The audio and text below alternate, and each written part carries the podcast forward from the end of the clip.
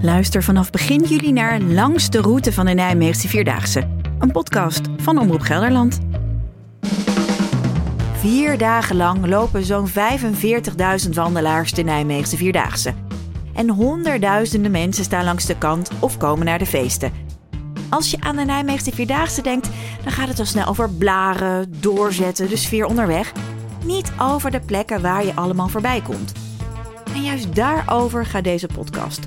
Unieke plekken, leuke weetjes, bijzondere gebouwen, mooie natuur. Dingen waar je anders misschien gewoon aan voorbij gaat.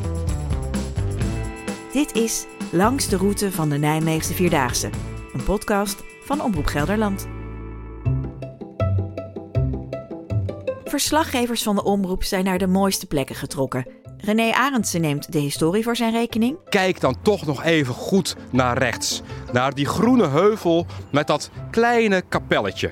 Want dan kijk je naar de meest bijzondere historische plek van Nederland. Laurens Stijnk gaat de natuur in. En dit plekje vele duizenden jaren geleden dus ontstaan door ijs.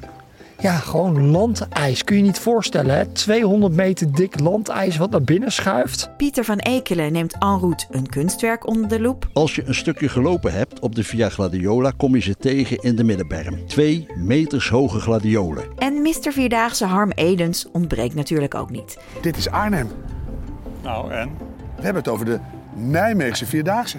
Oh, maar Arnhem speelt er wel een rol in. En ik ben Anne Rutgroen, historicus en programmamaker en woon al meer dan 20 jaar in Nijmegen. In deze podcastserie ben ik je gids en reisleider en neem je mee langs de routes van alle Vierdaagse dagen.